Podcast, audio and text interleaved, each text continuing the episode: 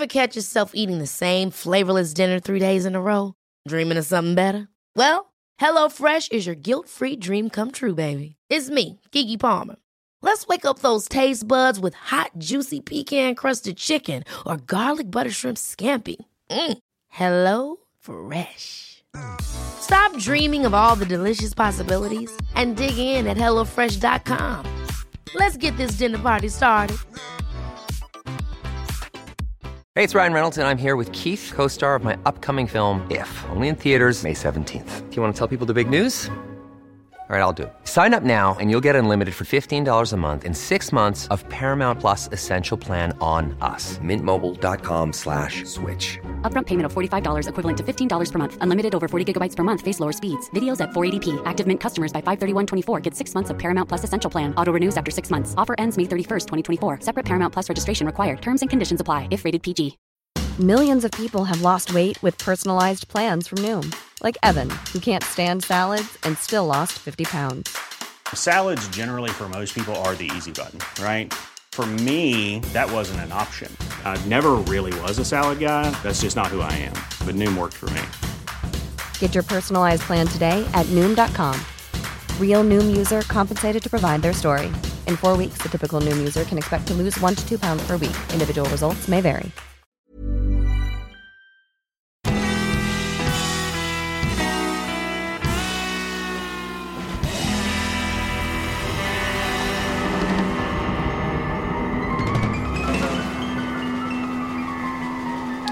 Hej allihopa och välkomna till del två av eh, kidnappningar. Ehm, och det är ju fortfarande jag Lukas. Och jag Ida. Yes. Ehm, ja. jag bara ja. Eh, ja, nej men eh, hoppas att ni tyckte att del ett var intressant. Mm. Eh, och att ni har haft en trevlig helg. Mm. Vi spelar ju in det här direkt efter min del så vi vet inte om rätt låt vann. Nej, eh. vi bara hoppas på det.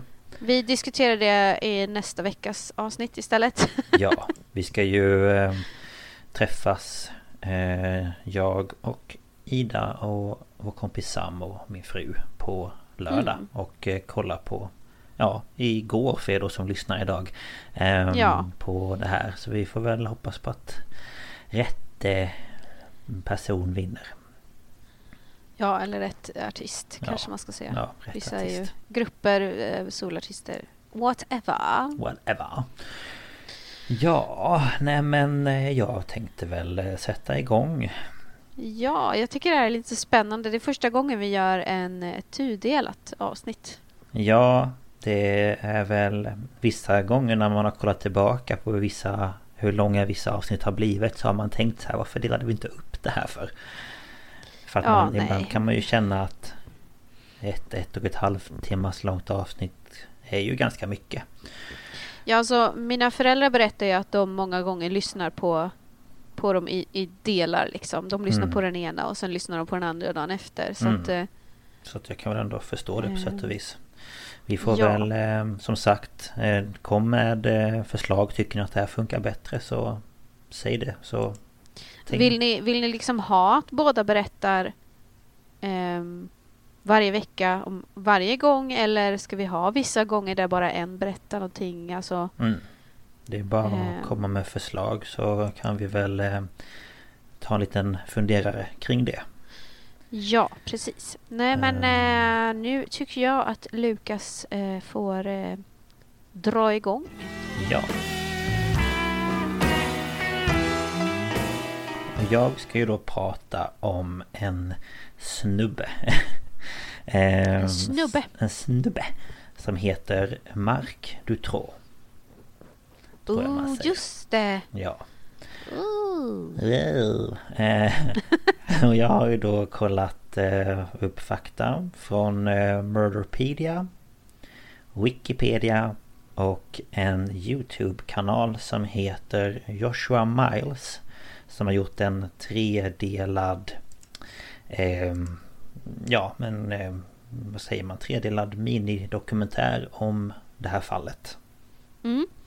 som eh, var väldigt intressant. Så jag har väl tagit det mesta därifrån och sen har jag dubbelkollat lite fakta på de andra sidorna. Ja. Eh, men vi börjar då fredagen den 9 augusti år 1996. Eh, då var den då 14-åriga La Etitia Delhes. Ja. Okej. Ja, eh, på väg hem från ett besök vid den lokala simhallen i staden eh, Bertrix i Belgien. Mm. Eh, men hon kom dock aldrig hem och hennes föräldrar blev oroliga och ringde den lokala polisstationen för att då berätta att deras dotter inte kommit hem. De var lite snabbare än de i mitt fall då med andra ord. Ehm, Lite sådär, bara några dagar. Ehm, och ett stort sög... eh, sög? Nej. Sökpådrag sattes igång. Förlåt, det där var jättekul. ja, det var jättekul. Jättekul! Det var jättekul. Sög. Det sög på draget. Ja, det var ett jävla sög på drag. Ja, förlåt. Ja, nej, det är ingen fara. Ehm, Det sattes i varje fall igång eh, för att leta efter henne. Eh, Och efter att det här sökpådraget satts igång så kom två vittnen fram eh, och berättade om en suspekt vit skåpbil som de sett runt omkring simhallen den dagen som hon försvann.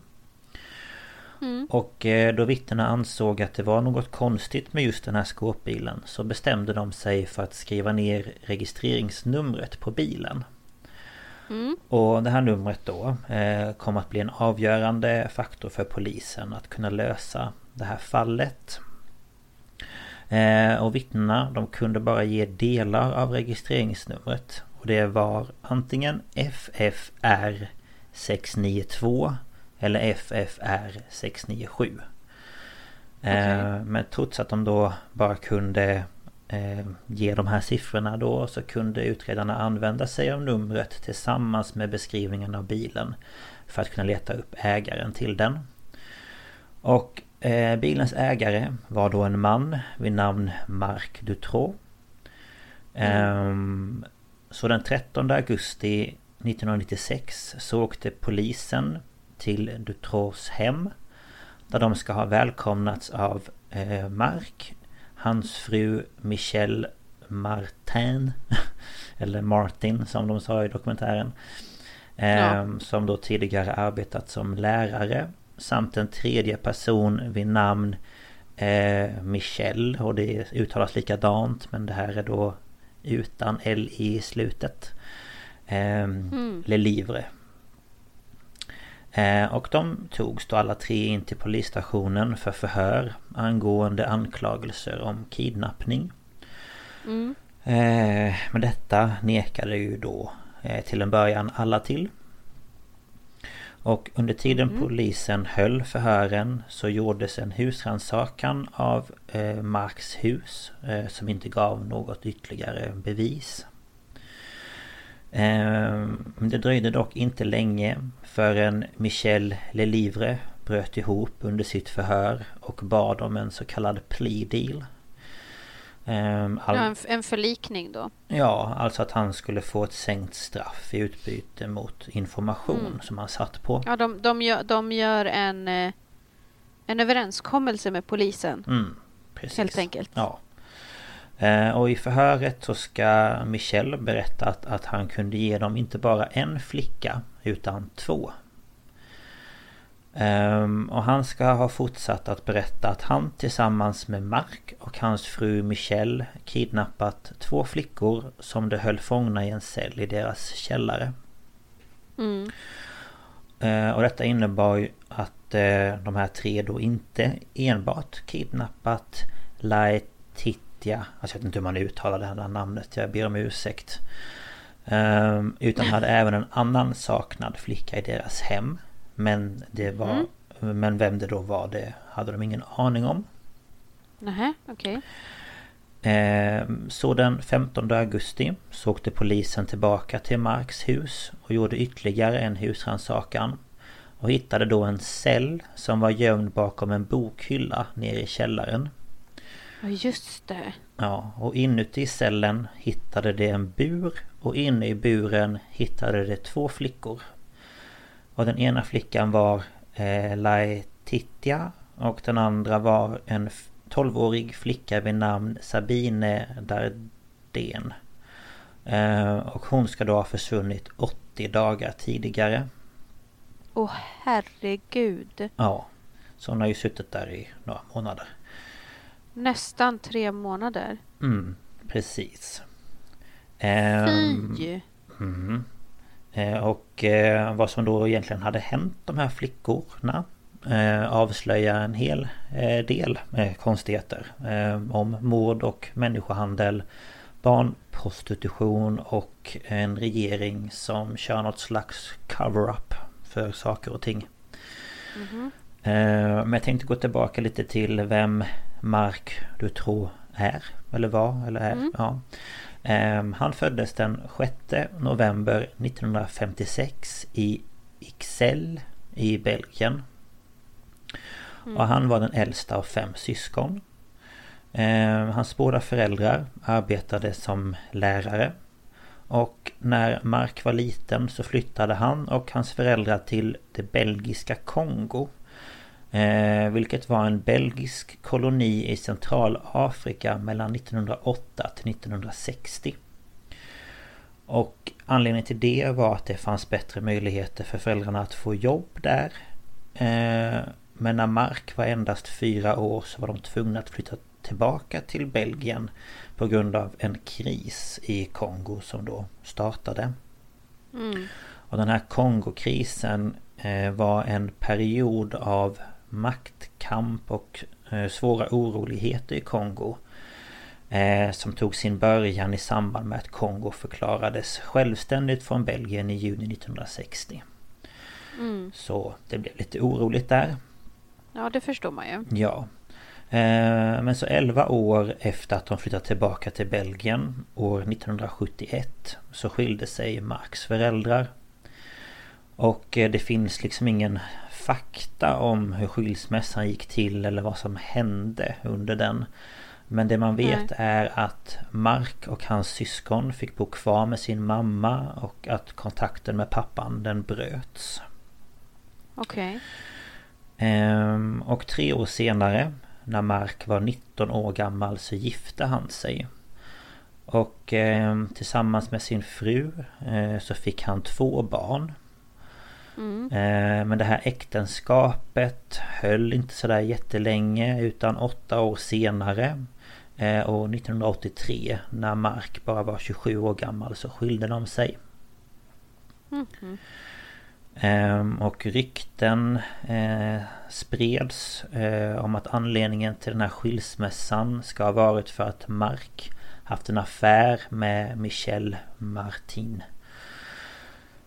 Ehm, och det här ryktet det visade sig stämma eftersom de fortsatte träffas efter skilsmässan och fick tre barn tillsammans. Ja, så det var i alla fall inte bara en, en engångsgrej. Nej, nej men precis. Men alltså lite kan jag ändå förstå om de gifte sig så tidigt som vid 19 års ålder. Man har Ja. liksom inte... Nej, alltså Det beror väl på lite tänker jag också vad du ehm, Hur du är som person och vem du är i, Ja. i så. Jag tänker man förändras ju mycket om man, man då tänker just 20-årsåldern där de var Mm. gifta förändras man ju mycket som person och Ja, verkligen. Och Visst sådär. gör man det. Ehm, men det här förhållandet i varje fall var inte sådär jättebra. Utan ehm, det gick ofta ut på att de liksom tillät varandra att fortsätta med olika självdestruktiva beteenden. Och eh, av många liksom i efterhand så har de då beskrivits som ren ondska. Ehm, och i februari 1986 så arresterades de båda efter att de kidnappat och våldtagit fem unga flickor. Men vad fan? Mhm. Ehm, och det här innebar då att Mark bland annat förlorade vårdnaden över alla sina fem barn. Alltså de två han hade innan och de tre de hade tillsammans. Ehm, och tre år efter att de hade blivit gripna för de här gärningarna så dömdes han till endast 13 och ett halvt års fängelse. Och mm. Michelle blev dömd till endast fem års fängelse. Men de gjorde ingenting mot sina egna barn? Nej, ingenting mot sina egna. Okay. Utan bara andra. Mm. Um, men det här var ju dock inte första gången som Mark hade med rättvisan att göra. Då han eh, hade en väldigt lång lista över olika kriminella handlingar. Och eh, detta ska bland annat rört sig om langning av narkotika och bilstölder där han var inblandad i smuggling av bilar till bland annat Tjeckien och Ungern. Mm. Och eh, samma år som eh, de båda dömdes, alltså år 1989, så gifte de sig i fängelset. Eh, men endast tre år i fängelse så blev Mark villkorligt frigiven av justitieministern Melchior Wattelet. Mm -hmm. Och den här ministern eh, var känd för att ha villkorligt frigivit många fångar dömda för kidnappning och våldtäkt. Då han mm. ansåg att de haft ett gott uppförande. Mm. Man bara... Eh, ja, men eh, du vet att de som sitter i fängelse de vet vad de gör. Mm. Och eh, det var inte bara de flesta i det övriga samhället som blev rasande över det här beslutet. Eh, utan även Marks egen mamma blev både äcklad och förtvivlad över det.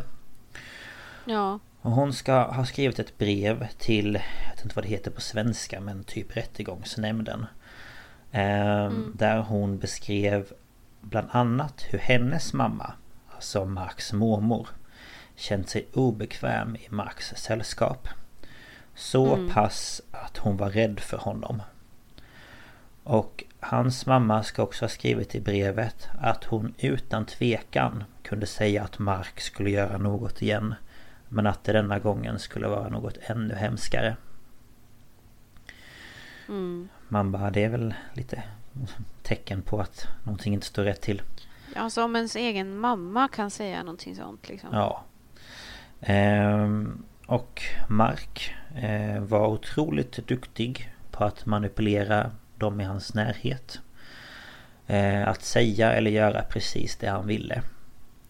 Mm. Ehm, så han lyckades manipulera och övertala en psykiatriker att han led av en psykisk sjukdom och att han hade rätt till statlig pension och gratis medicin. Men det är ju helt sjukt. Ja. Ehm, och han fortsatte med att övertyga en läkare om att han behövde vissa mediciner som innehöll lugnande medel och sömntabletter. Så mm. läkarna de skrev ut den här medicinen och gav den till Mark. Men den skulle ju självklart inte han själv använda. Utan den skulle Nej. han ju ha till sina nästa offer. Mm. Och eh, i april 1994 så släpptes Michelle från fängelset efter att ha avtjänat sina fem år i fängelse. Och paret mm. var då åter tillsammans. Och eh, tiden som följde efter att hon blivit släppt så började flickor försvinna från ställen där Mark ägde hus. Nej men gud vad konstigt. Ja, jättelustigt. Och det som är nu... Herregud vilket sammanträffande. ja, visst är det. Och något som var ännu konstigare var att han ägde sju hus. Ehm, Why? Eh, ja, det kan man ju undra. Men folk undrar ju Belgien sig... som är så stort också. Man måste ha massa hus som man, ja. inte, som man inte behöver ta in på hotell när man åker omkring. Ja men såklart. Och alla är ju i Belgien. så att... Um, alltså. Ja, nej, han ägde i alla fall sju hus. Och många tror att tycker att det är konstigt för han kan ju inte ha haft sådär jättemycket pengar. Eftersom han hade liksom bara varit typ in och ut ur fängelse och levde på pension och andra bidrag. Så ja. Ja, man kan ju undra. Men i varje fall i ett av de här husen som han ägde så byggde han då den här fängelsehålan som var dold bakom en bokhylla av betong. Så mm. på utsidan så gick det inte att se att det var en dörr där. Och den här fängelsehålan eller cellen eller vad man nu vill kalla det för var även ljudisolerad. Mm. Och eh, ett år innan Michelle blev frisläppt så fick polisen ett tips om att Mark hade erbjudit den här anonyma tipsaren mellan 3 till 5 000 dollar för att kidnappa unga tjejer. Och eh, detta det följdes aldrig upp och polisen brydde sig inte om att titta närmare på det. Vilket Nähä. bara där är lite konstigt kan man ju tycka. Eh, och år 1995, alltså ett år efter det att Michelle släppts, skrev Marks mamma ytterligare ett brev. Men den här gången till den lokala polisstationen. Där hon berättade att hon visste att Mark hade kidnappat en flicka och höll henne fången i sin källare. Och hon ska ha skrivit att hon till och med hade bevis. Men återigen så gjorde polisen ingenting. Men alltså... Mm. Eh, visst blev man eh, eh, hoppfull. Eh, och samma tipsare som tidigare skriver, alltså som då tidigare hade pratat med dem, skriver återigen till polisen. Och berättar för dem att han vet att Mark har byggt en fängelsehåla i sin källare. Som han använder för att kidnappa tjejer. Eh, som han sedan använder till prostitution och trafficking. Men inte den här gången heller så tar man tipset på allvar. Man bara, vad är... alltså jag fattar inte. Jag... Nej, jag vet. Man bara, men alltså ni har ju saker så här svart på vitt. Bara åk dit och kolla läget. Hur lång tid kan det ta? Eh, Så lördagen den 24 juni 1995 så slår Mark till igen. Och de då åttaåriga flickorna Julie Lejeune och Melissa Rousseau hade bestämt sig för att gå på en promenad i området Gras eh, och Lång. Eh, de hade känt varandra sedan de börjat skolan och var bästa vänner. Okej. Och under den här promenaden då Så blev de båda kidnappade av Mark Och de togs till eh, hans hus i eh, Marcinell Och det var då i det här huset som Mark byggt den här fängelsehålan Och det var där han höll dem fångna och jag har inte hittat sådär jättemycket om exakt vad han gjorde med dem Men det var i varje fall fruktansvärda handlingar som han utsatte dem för. Ja, det kan man ju förstå. Och de här handlingarna som eh, Mark inte bara gjorde mot dem Eh, utan han även filmade dem. Ehm, och det var inte bara han som gjorde fruktansvärda saker mot flickorna utan även andra som också filmades. Ehm, och ehm, två månader senare, den 23 augusti, så slog Mark till igen. Men denna gången så var han inte ensam. Utan han tog hjälp av Michel Lelivre. Och de åkte tillsammans till eh, Ostend. Vilket är en stad vid kusten i Belgien. Och där kidnappade de eh, Anne Marschall, 17 år. Och F.J. Lambrex, 19 år. Och de hade varit ute på natten och festat. Och var på väg tillbaka till deras semesterhus i Ostend där deras familjer var. Eh, Eh, men eh, de kom dock inte dit då de på vägen stötte på Mark och Michelle som kidnappade dem och tog dem med sig till Marks hus i eh, Marcinell. Men då den här fängelsehålan var upptagen av Julie och Melissa så bestämde de sig för att binda fast dem i sovrummet. Eh, och det konstiga i hela den här liksom kidnappningsgrejen är att under det här tillfället så var han övervakad av polisen som hade span på honom. Okej. Och de hade då en kamera som de följde honom med som skulle ta bilder på det han gjorde. Men eh, problemet var att de hade bara span på honom mellan klockan åtta på morgonen och sex på kvällen. Eh, Okej. Vilket man kan ju då tycka är lite underligt för att de flesta brott sker ju oftast på natten. Ja. Ehm, Så de såg ju inte när han gjorde detta helt enkelt. Nej. Och eh, Ann och Melissa eh, eh, Eller Ann och Melissa, nu ska jag se, säga rätt. Nej, F, eh, eh, utsattes för samma hemska handlingar som de andra två flickorna. Mm. Ehm, och i september, alltså någon månad ehm, efter de hade blivit kidnappade så flyttar Mark de båda flickorna till ett hus i staden Jume. Och eh, Mark och en annan medhjälpare vid namn Bernard Weinstein ska i förväg ha grävt en grop i trädgården. Och när de då kommer till det här huset så istället för att liksom ja, men binda fast in i huset så tvingar de båda flickorna att ta sig ner i gropen och sen så begraver de dem levande. Nej men fy fan. Ja. Och eh, på grund av detta då så tog det inte lång tid innan de båda flickorna såklart dog. Och eh, huset som de flyttades till ägdes av den här eh, Bernard. Så det var inte Marks hem.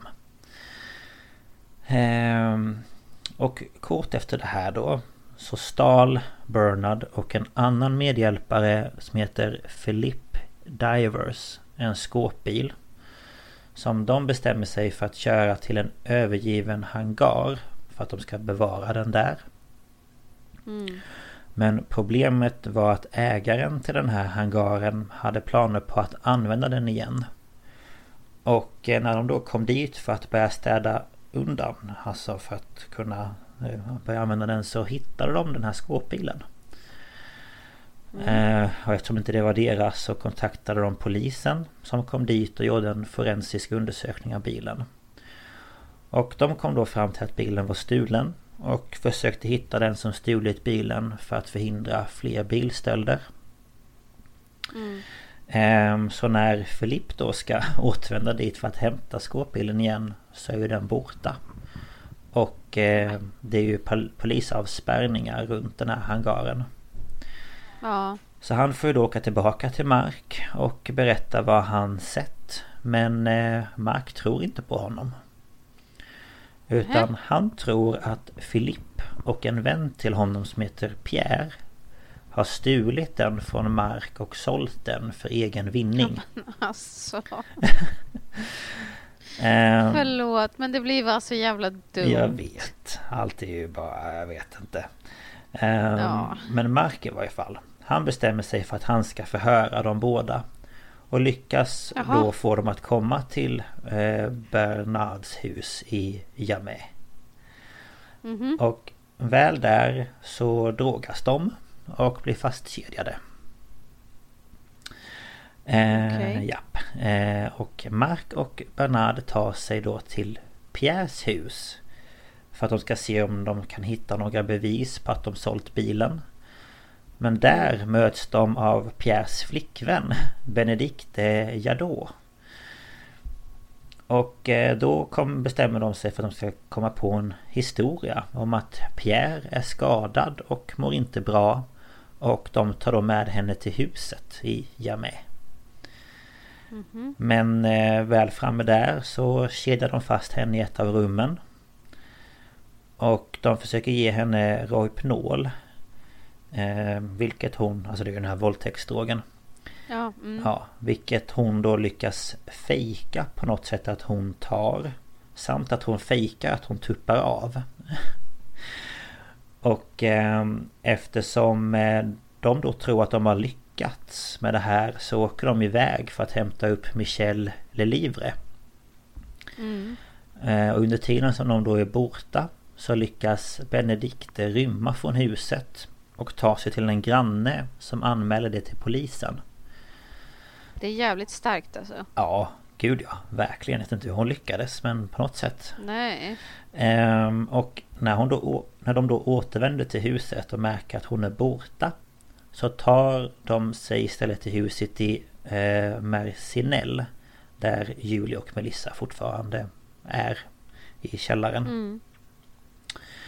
Och ehm, polisen de vill nu få tag på Bernard. och bestämmer sig för att sätta igång span på honom. Och för att inte avslöja vad eh, Mark hade för sig så bestämmer sig Mark för att kidnappa Bernard. Men herregud. Jaha.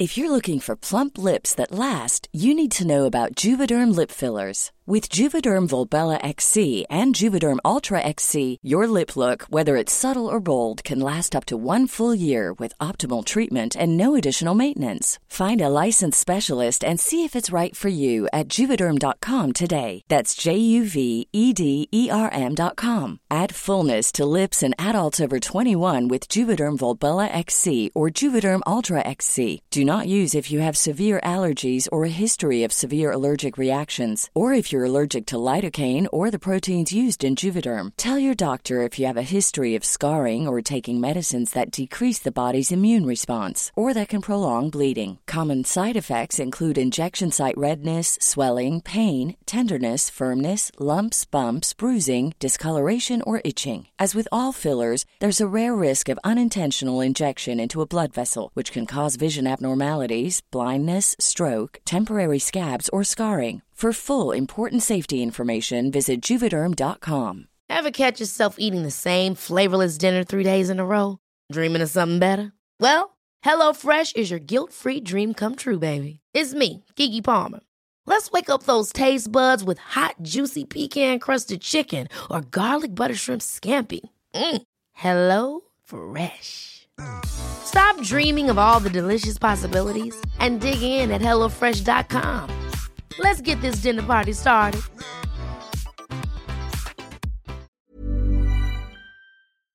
Och eh, låser då in honom i fängelsehålan. Men där var ju Julie och Melissa. Så han tänker att nej, men de kan få gå fritt i huset. Eh, Men alltså, vad, vad är det som sker här? ja, ja, jag säger ju det. Kan de... Kan de åh, herregud. Jag, Ja, visst känner man att eh, hjärncellerna de krymper. Eh, ja, men alltså... Ja. Ja. Och eh, Mark då, han eh, tänker att ja men jag ger Bernard mat och tillsätter då det med Rohypnol och eh, torterar honom. Och detta är då för att han vill få trevligt. tag i hans pengar. För han har tydligen pengar som Mark vill komma åt. Mhm. Och eh, det räcker ju inte bara det utan eh, Mark bestämmer sig sedan för att han ska ta eh, och mörda honom. På samma sätt Jaha, som med okej. Ann och Effie.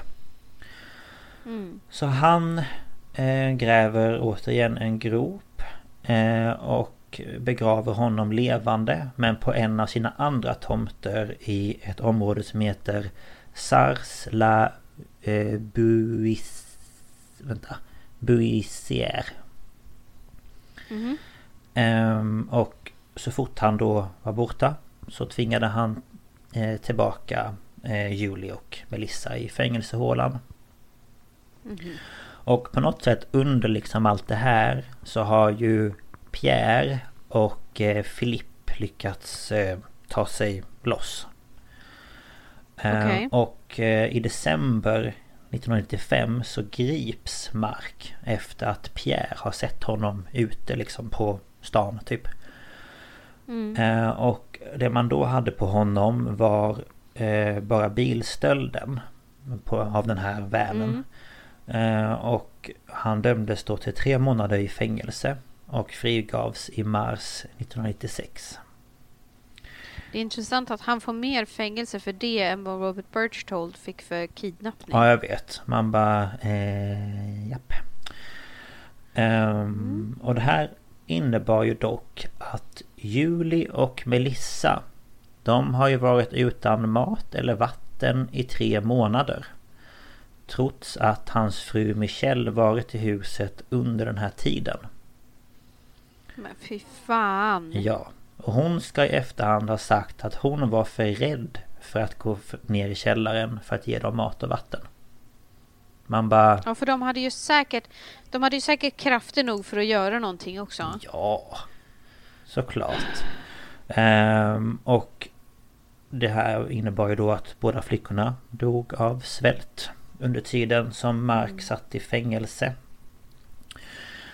Eh, och det som blir ännu mer frustrerande i det här det är att både den 13 och 19 december så hade polisen varit i huset men inte kunnat hitta flickorna. Och med sig till huset så hade de tagit en låssmed för att de då skulle kunna komma in i huset. Mm. Och när de är inne i huset så säger låssmeden till polisen René Michau att jag hör barnröster någonstans här inifrån. Mm. Och polisen bara nej men det är utifrån. Man bara va? Oh my god, förstå paniken tjejerna hade där inne då. Ja, så att de har ju säkert hört att det är någon som är i huset och har då försökt säkert ropa men den här källaren är ju ljudisolerad så då hör man väl kanske inte jättestarka röster men ändå hört någonting. Ehm, Så de eh, undersöker inte det här vidare. Och det är ju trots då också att de har fått in tips om att han ska ha en fängelsehåla i sitt hus.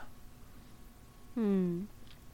Och under husrannsakan så ska även polisen ha hittat videoband som visar när och hur Mark bygger källaren och var fängelsehålan var. Men eh, Okej. polisen de eh, säger ju det att nej, men vi har inte tittat på de här filmerna för vi har ingen VHS-spelare.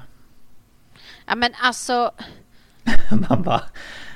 Nej, Så det går inte att köpa eller det finns inte någon polis i hela Belgien som kan ha någon någonstans. Nej, nej okej, nej. nej, och det är absolut ingen som kan konvertera dem åt dem heller. Nej! Vadå? Och jag tänker så här, vem har Oh inte en. VHS-spelare 1996?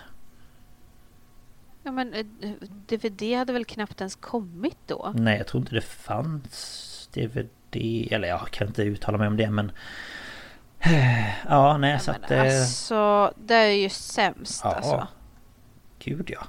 Ehm, och efter att Mark då släppts från fängelset så um, åker han och hämtar de här två flickorna och eh, begraver dem på samma tomt som Bernard. Mm. Och eh, nu när alla flickorna var döda så kände han att nej men jag behöver nog några nya. Så i maj 1996 så kidnappar han tillsammans med Michel Lelivre den 12-åriga Se- Sabine Dardén och i augusti den 14-åriga Laetitia Del Heste. Mm. Ehm, och den 28 maj så ska, ska, så ska, ska, ska, ehm, så ska Sabine cykla den korta biten från sitt hem till skolan. Men hon ska aldrig ha kommit fram. Ja, det blir nästan som med, var det inte det Natasha Kampusch som också skulle cykla till skolan? Jo, jag tror det. Jag tänkte på det också när jag hörde detta. Ehm, Paniken, nej för fan. ja. Men istället så blev hon kidnappad av Mark och Michelle. Som tog med sig Ja. eh, henne till Marks hem i eh, Marcinelle. Där de då tog henne till fängelsehålan. Och Mark berättar för Sabine att om hennes föräldrar inte betalar in hela lösensumman så skulle några elaka människor komma och döda henne. Men usch. Mhm. Och eh, efter att ha tillbringat ett tag i källaren så ska Sabine frågat Mark om en vän kanske kunde komma och hälsa på henne. Så hon inte behövde vara ensam. Och eh, det är då han bestämmer sig för att kidnappa en till flicka. Och detta var då 14-åriga Laetitia som var på väg hem från simhallen. Mm. Och eh, som jag tidigare tog upp så erkände eh, Michel Lelivre för att få ett lindrigare straff och berättade vad som hänt. Ja. Och när då Mark fick reda på att Michel hade erkänt så erkände även han. Jaha. Ehm, så den 15 augusti, samma dag som de båda erkänt, så åkte polisen tillbaka till Marks hus. Ledda av Mark själv. Och där hittade de eh, de båda flickorna. Eh, och två dagar senare, den 17 augusti, så tog Mark polisen till sin tomt i eh, Sars-la Buissière eh, och pekade ut var han hade begravt Julie, Melissa och Bernard. Som alla tre mm. kort därefter kunde identifieras. Mm. Um, och uh, en halv månad senare så lyckades även polisen hitta kropparna efter Ann och Effie i trädgården vid Marks hus i Jume. Och deras kroppar identifierades också. Uh, och när man gick igenom alla Marks hus då så kunde polisen hitta massor med bevis och främst hundratals filmer med pornografiskt innehåll. Och eh, dessa innehöll bland annat filmer på Mark själv då med eh, sin fru Michelle. Mm. Eh, men polisen hittade även filmer som visade på vad Mark gjort med flickorna under tiden som han höll dem fångna. Mm. Och eh, när man då börjar titta lite på det här fallet och den bevisning som man hade samt på poliserna som hade varit delaktiga i det här fallet så tyckte allmänheten att något inte verkade stämma.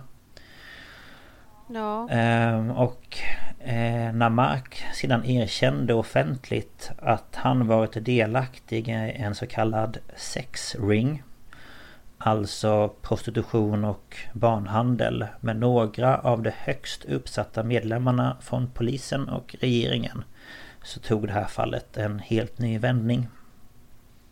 Okej, okay, ja. Um, och för att gå in då lite på vad som hände efter det att de hade erkänt så bland annat så eh, domaren i fallet eh, till en början hette Jean-Marc Conorot och eh, han drev det här fram, fallet framåt och alla liksom i allmänheten fick mycket förtroende för honom. Mm. Och en dag så bjöds han in till en välgörenhetsmiddag för de två flickorna Sabine och Laetitia. Och mm. under det här eventet så ska han ha stannat i cirka en timme och ätit en tallrik med spaghetti.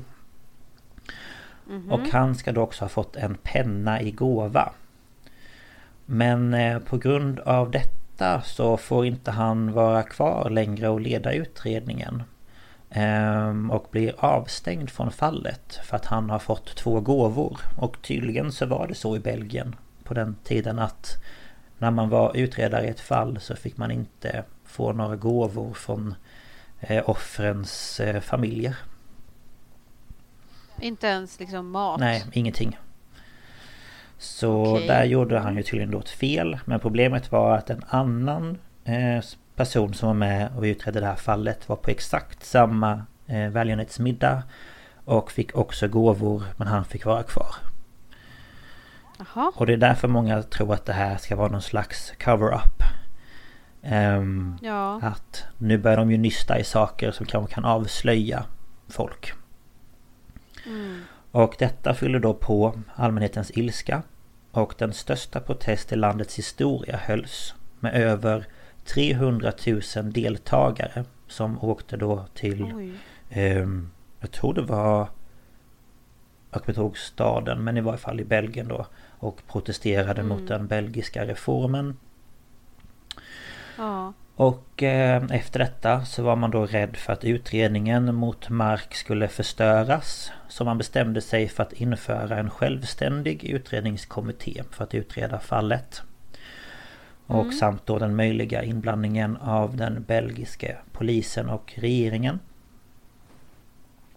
Mm. Och eh, i februari 1998 så hade liksom parlamentet i Belgien gjort en utredning som blev offentlig.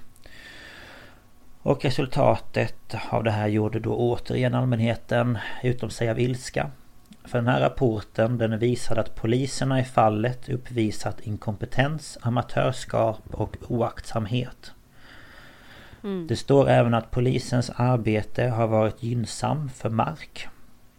Och man menar även på att Julie och Melissa skulle ha kunnat räddats av polisen. Och de insisterar även på att Mark inte arbetat för någon när han utförde dessa handlingar. Alltså att han var själv göra detta. Ja. Men Melissas pappa menar dock på att polisen varit i Marks hem vid flertalet tillfällen och även hört barnröster. Men ändå gick man inte vidare med att söka efter dem. Samt att polisen visste om Marks förflutna. Och Mm. det här fick ju såklart många av offrens föräldrar att tro att det inte handlade om inkompetens utan om ett cover-up för polisen. Ja. Ehm, och under de två år som Mark nu suttit i fängelse För det gör man tydligen där Du sitter liksom häktad till den dagen som du får eh, din dom Ja. Så ehm, har Mark använt sig av sin manipulation Och har då fått sig att framstå som väldigt lugn och vänlig och snäll och ja En, en bra kille liksom och detta gjorde då att polisen drog ner på säkerheten runt honom. Och i Belgien när man är dömd för ett brott så får man åka till domstolen för att man ska kunna kolla igenom domen som man har mot sig. Och det här skulle han då göra. Så han åker dit eh, och hade två poliser med sig. Och eh, när han ska kolla igenom det här dokumentet så tar man av hans handbojor. Och eh, Okej. under tiden så tänker en av poliserna att den ska uträtta ett ärende. Varpå Mark då blir ju ensam med en polis. Och eh, ser just då sin chans. Så han eh, övermanar eh, polisen och tar polisens pistol. Som han sen använder för att hota en annan man med eh, att lämna över hans bil. Och sen så kör Mark iväg in i skogen i närheten. Ehm, så polisen... Alltså, man blir ju lite, Ja men det här är ju fantastiskt. lite irriterad. Ja, jag vet. Det är... Jag vet. ja, det är ju mm. fantastiskt. Ehm, Så polisen de stängde gränserna mellan Belgien, Frankrike och Luxemburg eftersom det är ju de närmsta eh, gränsen, vad heter det, grannländerna. Och en massiv sökinsats sattes igång. Och detta blev ju då ännu en anledning för allmänheten och offrens familjer att tro att polisen varit med på att Mark skulle kunna rymma. Och det man också frågade sig var självklart vad det var för något ärende som var så himla viktigt för den här polisen. Att han lämnade Mark Ja. ensam med en polis. Ja, det kan man undra. Eh, ja, och det vet man ju inte än idag. Vad jag har fått reda på. Nähä, okej. Jag trodde du skulle komma med något banalt som att han skulle gå och köpa mjölk. Nej, han skulle nog göra något Jag vet inte riktigt men jättedumt i varje fall Ja. Men som tur var så greps Mark igen efter bara några timmar Och eh, två år efter händelsen så blev Mark dömd till fem års fängelse för att ha angripit en polis Och han fick ytterligare fem år för att ha stulit den här bilen Ehm, och ännu en liten sån här typ konspiration som eh, har kommit fram i det här fallet det är att efter sitt gripande år eh, 1996 så berättar Michel Lelivre för polisen eh, om en affärsman vid namn Michel Ni- Nihaul. Och eh, han Lelivre då berättar att de har kidnappat flickorna på grund av en order från honom.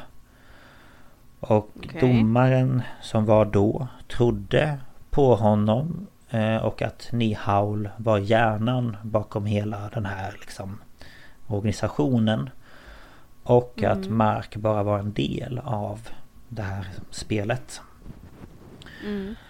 Eh, och eh, domaren som eh, tänkte att det här kunde vara någonting som stämde blev eh, senare avstängd av domstolen. Vilket man tror är för att han inte skulle kunna undersöka saken vidare. Okej. Och den här Nihaul ska även ha haft kontakter med många högt uppsatta personer i den belgiska regeringen och andra affärsmän.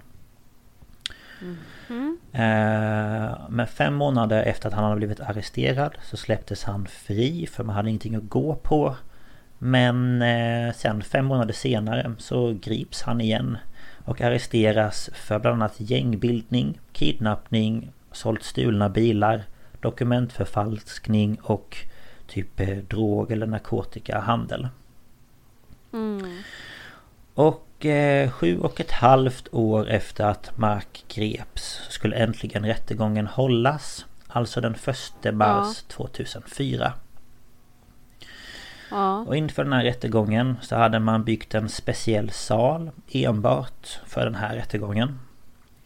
Okej. Och Mark, eh, Michelle, eh, alltså hans fru Michelle Nihaul och Michelle Lelivre Placerades alla i ett speciellt rum med ett skottsäkert glas Ehm, Enbart 16 av de 1340 journalisterna som var närvarande fick komma in i rättssalen Oj. Och 200 journalister fick sitta i ett annat rum och se rättegången via länk Okej. Rättegången varade sammanlagt i 16 veckor. Och man kallade 569 vittnen. Och sammanlagt varade vittnesmålen i 360 timmar. Oj. Ehm, eh, juryn eh, som skulle överväga det här eh, fallet bestod av 12 personer och överlagde i 76 timmar. Och eh, i Belgien så är det tydligen så att i vanliga fall så har man väl lite som här i Sverige att man har liksom ingen jury som bestämmer straffet utan det är Nej. den bevisningen man har samlat ihop som sätter liksom mm, ja, vad man får för straff. Men det finns en rättegångsgrej i Luxemburg Där det här fallet då blev prövat och det är liksom inom den typ högsta domstolen. Okej. Och bara eh, vid den här domstolen så kan man dömas till livstid och det är också där som domen bestäms av en jury. Så den 14 juli så började juryn sitt överläggande och tre dagar senare så överlämnade juryn sin dom till rätten. Och Mark då han dömdes skyldig till alla anklagelser vilket inkluderar morden på eh, eh, Ann, FJ och Bernard. Eh, Okej. Kidnappningarna, eh, stöld, innehav av barnpornografi, våldtäkt på barn, försök till mord, försök till människorov, ofredande samt tre andra fall av våldtäkt. Eh, Michel Martin och Michel Lelivre dömdes skyldiga för att ha varit medhjälpare till mord och kidnappningar. Men intressant nog så kunde juryn inte komma överens om en dom för Michel Nihaul. Men fem dagar senare, alltså den 22 juni 2004, så kom domstolens slutgiltiga dom. Och eh, år, om vi går tillbaka lite då, så 1996 så tog Belgien bort dödsstraff. Så Mark kunde Okej. inte dömas till det, även om majoriteten i Belgien inte hade haft något emot det. Men Nej. Mark dömdes därför till livstidsfängelse. Michel Martin dömdes till 30 års fängelse och Michel Lelivre dömdes till 25 års fängelse. Okej. Och juryn fick återgå till överläggande för att komma med en dom för Michel Nihaul. Och han dömdes inte för några kidnappningar utan han dömdes bara för narkotikabrott och för gängbildning. Och han dömdes Okej. till endast fem års fängelse. Oj, ja det var ju lite mindre än de andra. Ja, lite. Eh, och alla förutom Mark kunde ansöka om villkorlig frigivning efter att ha suttit en tredjedel av sitt straff. Men Mark kommer däremot aldrig få villkorlig frigivning. Nej.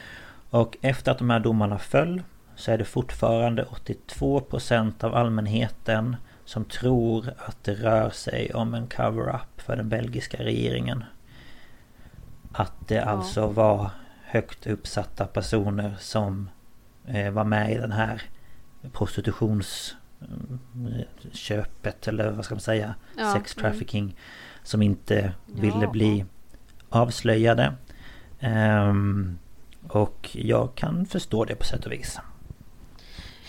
Ja, det är ju svårt att sätta sig in i det så, men eh, allting låter ju lite konstigt, måste jag ju säga. Ja, alltså för mig är det ju konstigt eh, efter att ha sett de här tre delarna och kollat lite annat så, så tycker jag liksom att det känns som att de har haft så många chanser att kunna gripa honom.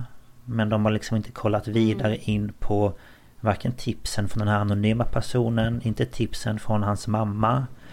Eh, inte tipsen från låsmedlen om att han hade hört några barnröster i huset. Alltså mycket sånt som de bara har struntat i. Ja. Och då är det så här, jaha är det bara usla poliser och utredare? Eller döljer de någonting mycket större? Mm. Det är...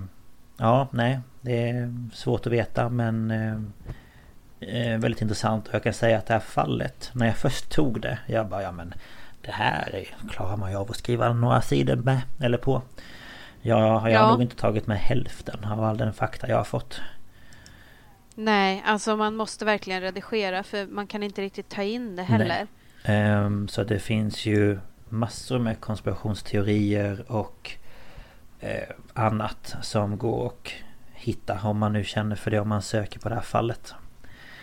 Mm. Men eh, ja Det var det jag hade att erbjuda. Ja, tack så mycket. Det mm. var eh, juicy om man säger så. Ja, det, jag känner också det. Jag kommer ju ihåg, alltså jag känner ju igen det här med att han hade dem i, bakom en bokhylla och allt det där. Men jag kommer inte ihåg så mycket mer. Nej.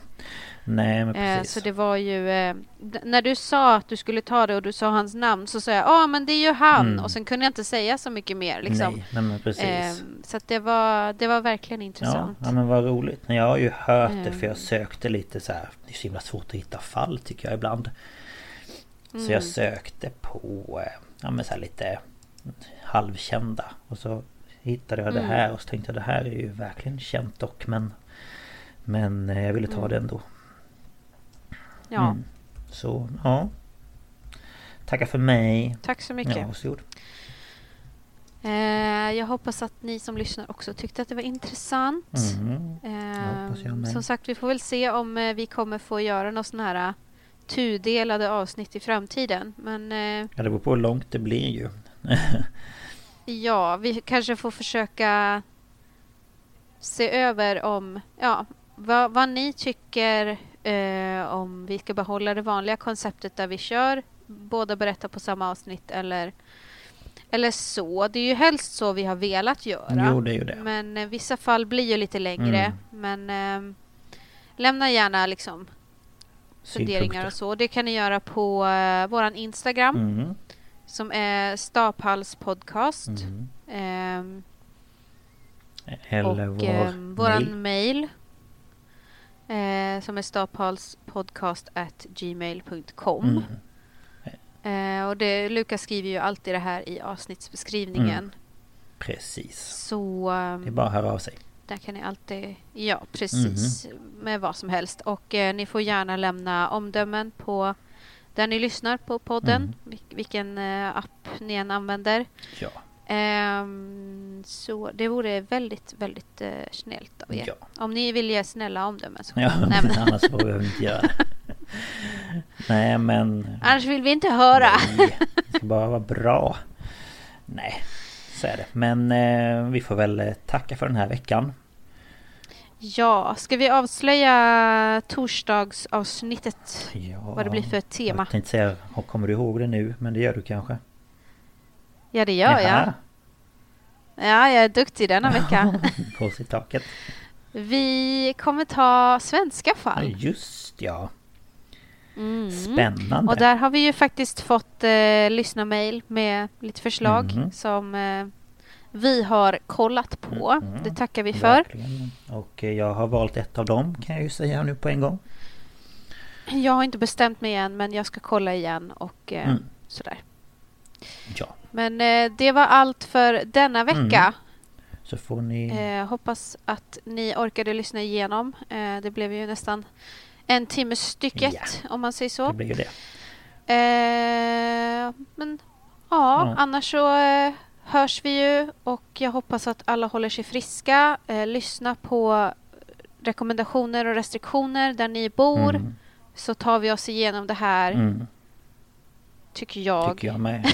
Jag tycker det låter som en bra idé. Ja. Men, Men eh, ha det gött. ja, ha det bra allihopa. Hej då!